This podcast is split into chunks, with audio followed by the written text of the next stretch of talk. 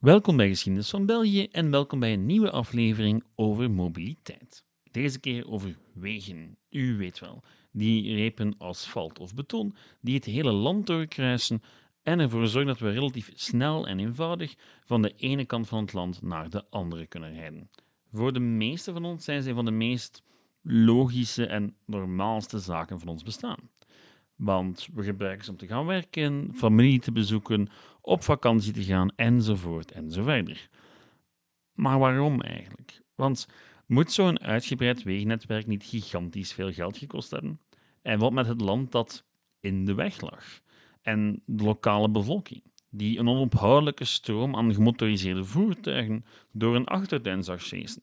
En was het altijd al zo? Wegen? Wel, het antwoord op al die vragen en meer in deze aflevering van Geschiedenis van België.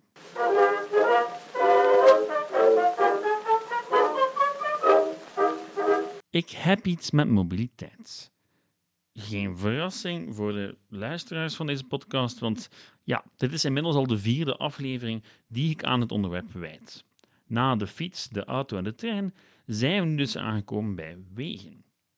Iets zo elementairs in ons dagelijks bestaan dat we er amper over nadenken. Het fantastische aan het verleden is dat ons altijd wat meer doet nadenken over wat nu wel en niet normaal is. En wegen zoals we die vandaag kennen, zijn dat enerzijds wel en anderzijds ook helemaal niet. Het historische verhaal toont ons dat hoe we nadenken over transport al een paar keer veranderd is en waarschijnlijk zal blijven veranderen. Dat historische verhaal gaan we in deze aflevering en die van volgende week van naderbij bekijken. Twee afleveringen, jawel, want zoals met zoveel onderwerpen die ik hier behandel, was het me initieel niet duidelijk hoeveel er eigenlijk wel te vinden was. En uh, veel. Beginnen doen we met de geschiedenis van wegen in het algemeen en eindigen doen we volgende week met onze hedendaagse snelwegen. Ik ga tijdens die twee afleveringen heel wat informatie uw richting uitsturen, maar op het einde ervan zal u een redelijk accuraat beeld hebben van het ontstaan van ons hedendaagse Belgische wegennet. En het ook veel beter begrijpen. Al blijft het natuurlijk België en dus tot op zekere hoogte onvatbaar. Goed, tot daar de inleiding. Wegen en snelwegen dus. Ons land ligt er vol mee en we kunnen collectief niet zonder. Eén ongeval op één stukje wegdek is al genoeg om de dag van honderden mensen volledig in de war te sturen. Zelfs op een zaterdag om 9 uur s ochtends op de ring rond Brussel, bijvoorbeeld. Maar genoeg over mijn weekend. Want waar komen die snelwegen eindelijk vandaan? Je zou kunnen denken, zoals bij veel dingen, dat het van de Romeinen komt. Wel, nee, het concept misschien wel. Het idee om wegen aan te leggen over grote afstanden om troepen en goederen te verplaatsen, werd in onze streken door hen voor de eerste keer in praktijk gebracht. Maar die Romeinse wegen vormen niet de basis voor ons hedendaagse netwerk van autostrades. En daar is een redelijk eenvoudige verklaring voor.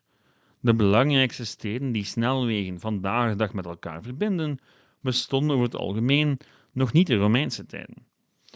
Dus ja, waar komt ons modern wegennet dan wel vandaan? Wel, ironisch genoeg hebben we het waarschijnlijk voor een groot deel te danken aan al die oorlogen die hier maar bleven plaatsvinden in de 16e, 17e en vooral 18e eeuw. Voor die periode werden er maar heel weinig wegen aangelegd, laat staan onderhouden. Handel verliep tot diep in de 18e eeuw in de eerste plaats over water. Ook redelijk logisch, gezien de aanwezigheid van rivieren in de regio en het gebrek aan een echte centrale regering. De belangrijkste steden in de regio ontstonden dan ook langs waterwegen. Brussel, Antwerpen, Gent, Brugge, Luik en zowat alle kleinere steden met een middeleeuwse origine bevinden zich wel langs de een of de andere rivier. Zo werden ze met elkaar verbonden. Niet door wegen, een weg was initieel enkel goed voor transport van de dorpen naar de stad. En dus per definitie lokaal.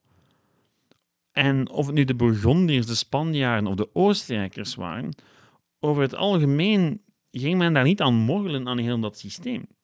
Men liet het zo, want ja, men was niet echt geïnteresseerd in mobiliteit. Als het over grensverdediging of belasting ging, trok men het laken wel naar zich toe, maar openbare werken waren een zaak van het lokale niveau. En als er al wegen werden aangelegd, dan was dat dus vaak de lokale stad of lokale machthebber. Dus ja, die eerste wegen, echte wegen, die gingen van de stad naar een dorpje. En dan, eens men wat meer weg nodig had, van dat dorpje nog naar een ander dorpje, enzovoort en zo ver. De eerste stap richting nationaal wegennet was de aanleg van de eerste steenweg. U weet wel. De Antwerpse steenweg, de Gentse steenweg, de Nino's steenweg, de Dendermondse steenweg, de Brusselse steenweg, enzovoort. Allemaal hedendaagse straten die vandaag de dag nog bestaan en hun oorsprong kennen als steenweg. Een steenweg was een lange rechte weg tussen twee steden, opgebouwd uit kasseien. En de eerste steenwegen werden dus vanuit die steden aangelegd naar het hinterland met de bedoeling om de dorpen in de buurt te verbinden met de stad.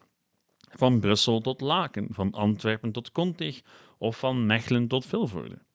In de 18e eeuw echter zouden heel wat van die steenwegen doorgetrokken worden van stad tot stad.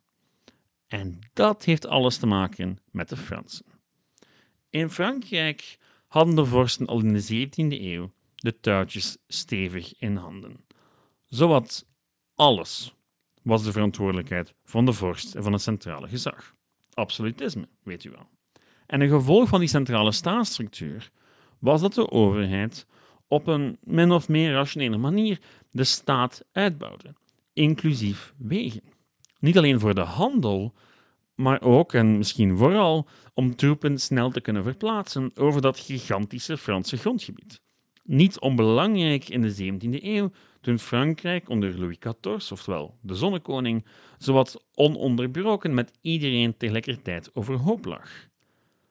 Wat heeft dat dan te maken met ons hedendaags wegennet? Alles.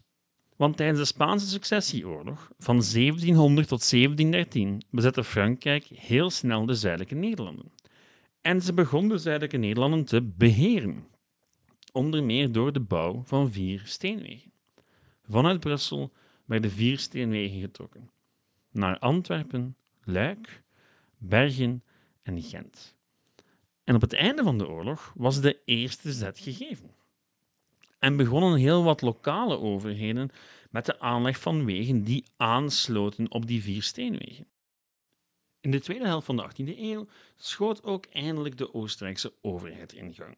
Die wou de handel bevorderen en daarvoor had je in de 18e eeuw nu eenmaal wegen nodig, want kanalen en rivieren die volstonden al lang niet meer. Bijgevolg werd er voor het eerst onteigend door de centrale overheid en werden er tollen geheven op het gebruik van de wegen. Want zo'n tol, dat was vroeger de normaalste zaak van de wereld. Hoewel er veel gebouwd werd, is het zeker niet zo dat de hele zuidelijke Nederlanden plots over een mooi wegennet beschikten. Het was vooral in Vlaanderen en Brabant dat die steenwegen werden aangelegd, want daar was de handel ook veel belangrijker. En natuurlijk lag Luik tijdens deze periode nog altijd vlak in het midden van de zuidelijke Nederlanden als een onafhankelijk vorstendommetje. Onafhankelijk, ergo wegen stopten aan de grens van dat vorstendom. Dus ja, er ging bij gevolg bijna geen enkele deftige weg richting Limburg, want Limburg was in twee gedeeld door het prinsbisdom Luik. Nu goed, voor de rest van de zuidelijke Nederlanden ging het wel vooruit. Onder de Oostenrijkers werd het dus een stuk makkelijker om van stad tot stad te reizen en er ontwikkelde zich een soort van nationale markt. Niet enkel meer rond de rivieren, maar ook elders. En dat is niet te onderschatten. Ook niet voor het ontwikkelen van een Belgische cultuur of een Belgische economie. Nu, ja, dat mooie liedje bleef niet zomaar duren, want op het einde van de 18e eeuw werd de regio natuurlijk verscheurd door oorlogen. En werden dagdagelijkse zaken zoals wegenaanleg en onderhoud niet langer een prioriteit. Het duurde tot het keizerrijk van Napoleon dat men zich echt weer zou bezighouden met het wegennet. Al was het ingrijpen van Napoleons regering wel van groot belang voor de toekomst van dat Belgische wegennet. En de gevolgen voelen we nog tot op de dag van vandaag. Op 16 december 1811 werd een nieuw decreet ingevoerd. Een decreet dat wegen opdeelde in categorieën.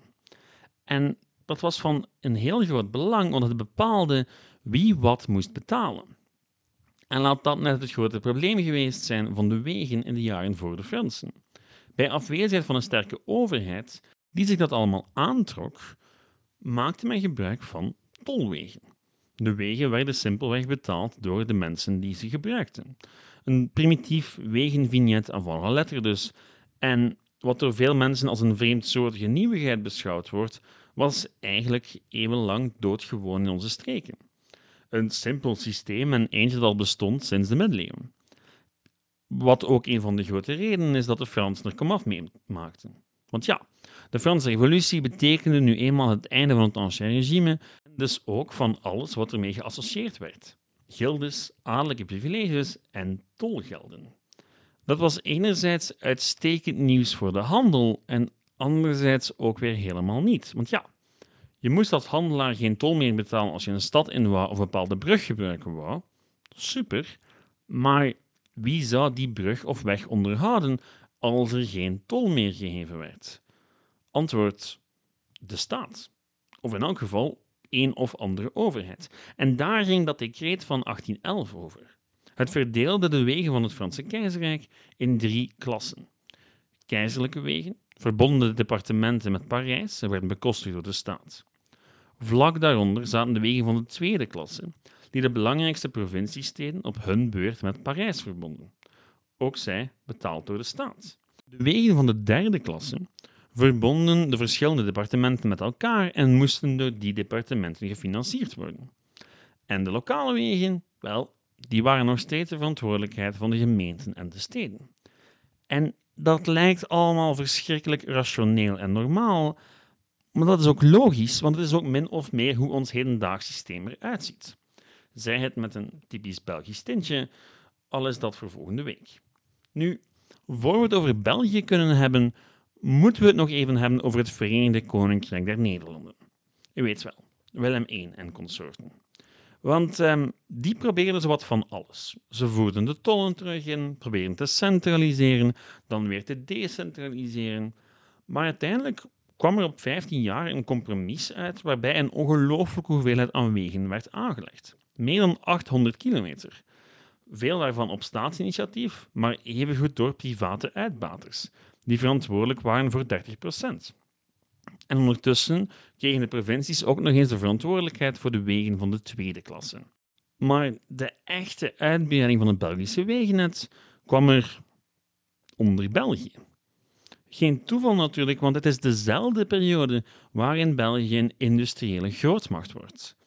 En ja, de spoorwegen werden in exact dezelfde periode aangelegd. En dat lijkt een beetje contraproductief, want vandaag bekijken we die twee vaak in concurrentie met elkaar. Maar de spoorwegen waren in het begin in elk geval geen groot probleem voor de wegeninfrastructuur. Want de spoorweg was immers relatief duur in die eerste decennia. En er waren daar bovenop heel wat mensen die dat snelle moortuig niet vertrouwden en veel liever de weg gebruikten om van A naar B te raken. Tegelijkertijd was de verbinding over de weg vaak een stuk beter dan met de trein. Spoorwegen gingen nog lang niet overal heen. Wegen, eindelijk wel. Zelfs de meest geïsoleerde gebieden in de provincies Antwerpen, Limburg en Henegouwen werden bereikbaar. En dat kon in de eerste plaats door de toloverschotten te gebruiken om nieuwe wegen aan te leggen. En daarbovenop werd heel wat geld geleend. Want België en vooral haar economie had wegen nodig. En dus deden alle overheden daar alles aan. Er is echter een grote maar. Want zoals dat zo vaak gaat met haast, had die ook in dit geval zijn prijs. In dit geval de kwaliteit van de wegen. Oh jawel, u hoort me goed. Al van in het prille begin had België problemen met de kwaliteit en het onderhoud van zijn wegennet. Plus ça change, plus c'est la même chose. En die moeilijkheden met de wegen droegen er mee toe bij dat vanaf 1850 het wegennet niet echt meer uitbreiden. De spoorwegen hadden zich immers tot een valabel alternatief ontwikkeld. En tegen de tweede helft van de 19e eeuw waren de kinderziektes verdwenen en leek de trein het vervoersmiddel van de toekomst te zijn. In de ogen van de staat was het wegennet af en moest men enkel de provinciale en gemeentelijke wegen moderniseren en onderhouden. Wat de overheid ironisch genoeg volledig zelf moest doen. Want ja, door het succes van de spoorwegen waren de opbrengsten uit tol zowat gereduceerd tot niks. Ook heel logisch, want vaak werden die spoorwegen vlak naast wegen aangelegd. Uiteindelijk schaft men in 1866 de tol op de rijkswegen dan maar gewoon af, want ja, het bracht toch niks meer op. Tegelijkertijd nam men meer wegen over zonder meer budget te voorzien. En ja, het vervolg, dat kan u wel raden. Tegen het einde van de 19e eeuw was de situatie op verschillende plekken desastreus. En dan hebben we het enkel maar over het gebrek aan onderhoud, niet over de komst van alle moderne gemakken, zoals verwarming, elektriciteit, telefoon en openbaar vervoer. Want ja, dat heeft ook met wegen te maken. Gasleidingen, telefoonkabels, elektriciteitskabels, tramsporen, die moesten op een of andere manier op of onder het wegdek raken, waarna dat wegdek opnieuw bereidbaar moest gemaakt worden voor het reguliere verkeer. Om nog niet te spreken over de nood aan fiets- en voetpaden in sommige steden. Want die werden op ongeveer exact hetzelfde moment uitgevonden. Wat me tot een ander essentieel punt brengt. Wegen zoals we ze vandaag gebruiken, zijn eigenlijk een recente uitvinding. Recent als een maximum 150 jaar geleden. Want tot dan was er niet zo bijster veel verkeer. Karren, voortgedreven door honden, paarden of mensen, en ruiters en voetgangers. Maar niet superveel. Er was gewoon niet genoeg volk in leven. Dus was er ook nooit echt een nood geweest om de weg in te delen in aparte onderdelen. Maar in de 19e eeuw steeg de bevolking in de westerse wereld en vooral in de steden. En in die grotere steden was er dus steeds meer verkeer dat elkaar in de weg liep en opstoppingen veroorzaakte. En nee, dan hebben we het nog altijd niet over autoverkeer. Wel over karren, koetsen en fietsen. Ironisch genoeg werd de auto door velen initieel gezien als een mogelijke oplossing voor de verkeersopstropping in steden als Parijs of Londen. Want ja, zo'n auto neemt minder plaats in dan paard en kar en laat bovendien veel minder afval achter. Lees mest. Eind 19e eeuw kwam de auto eraan en daarmee ook een nieuw tijdperk van mobiliteit. Al was het allemaal niet zo makkelijk als het wel lijkt. Ja, de auto was voor velen een veel aantrekkelijker vervoersmiddel dan haar voorgangers, maar er was wel een praktisch probleem. Het verouderde en amper onderhouden wegennet. Maar in België kon er veel als de juiste mensen aan de touwtjes trokken. En dat zou ook gaan gebeuren. Al is dat verhaal voor volgende week. Want dan gaan we hiermee verder en trekken we de lijn helemaal door tot vandaag. Of in elk geval eind de 20e eeuw. Voor ik u laat gaan, nog een praktische mededeling. Om te bepalen wat ik met de podcast aanvangen ga de komende jaren, heb ik een nieuwe enquête opgesteld. Eentje waarin ik pols naar uw mening. In het verleden heb ik echt al rekening gehouden met de resultaten van zo'n enquête en dat zal ik nu ook doen. Vul die dus alsjeblieft in. De link vind je in de descriptie van deze aflevering en op de Facebookpagina. Bedankt voor het luisteren en tot volgende week. Ciao!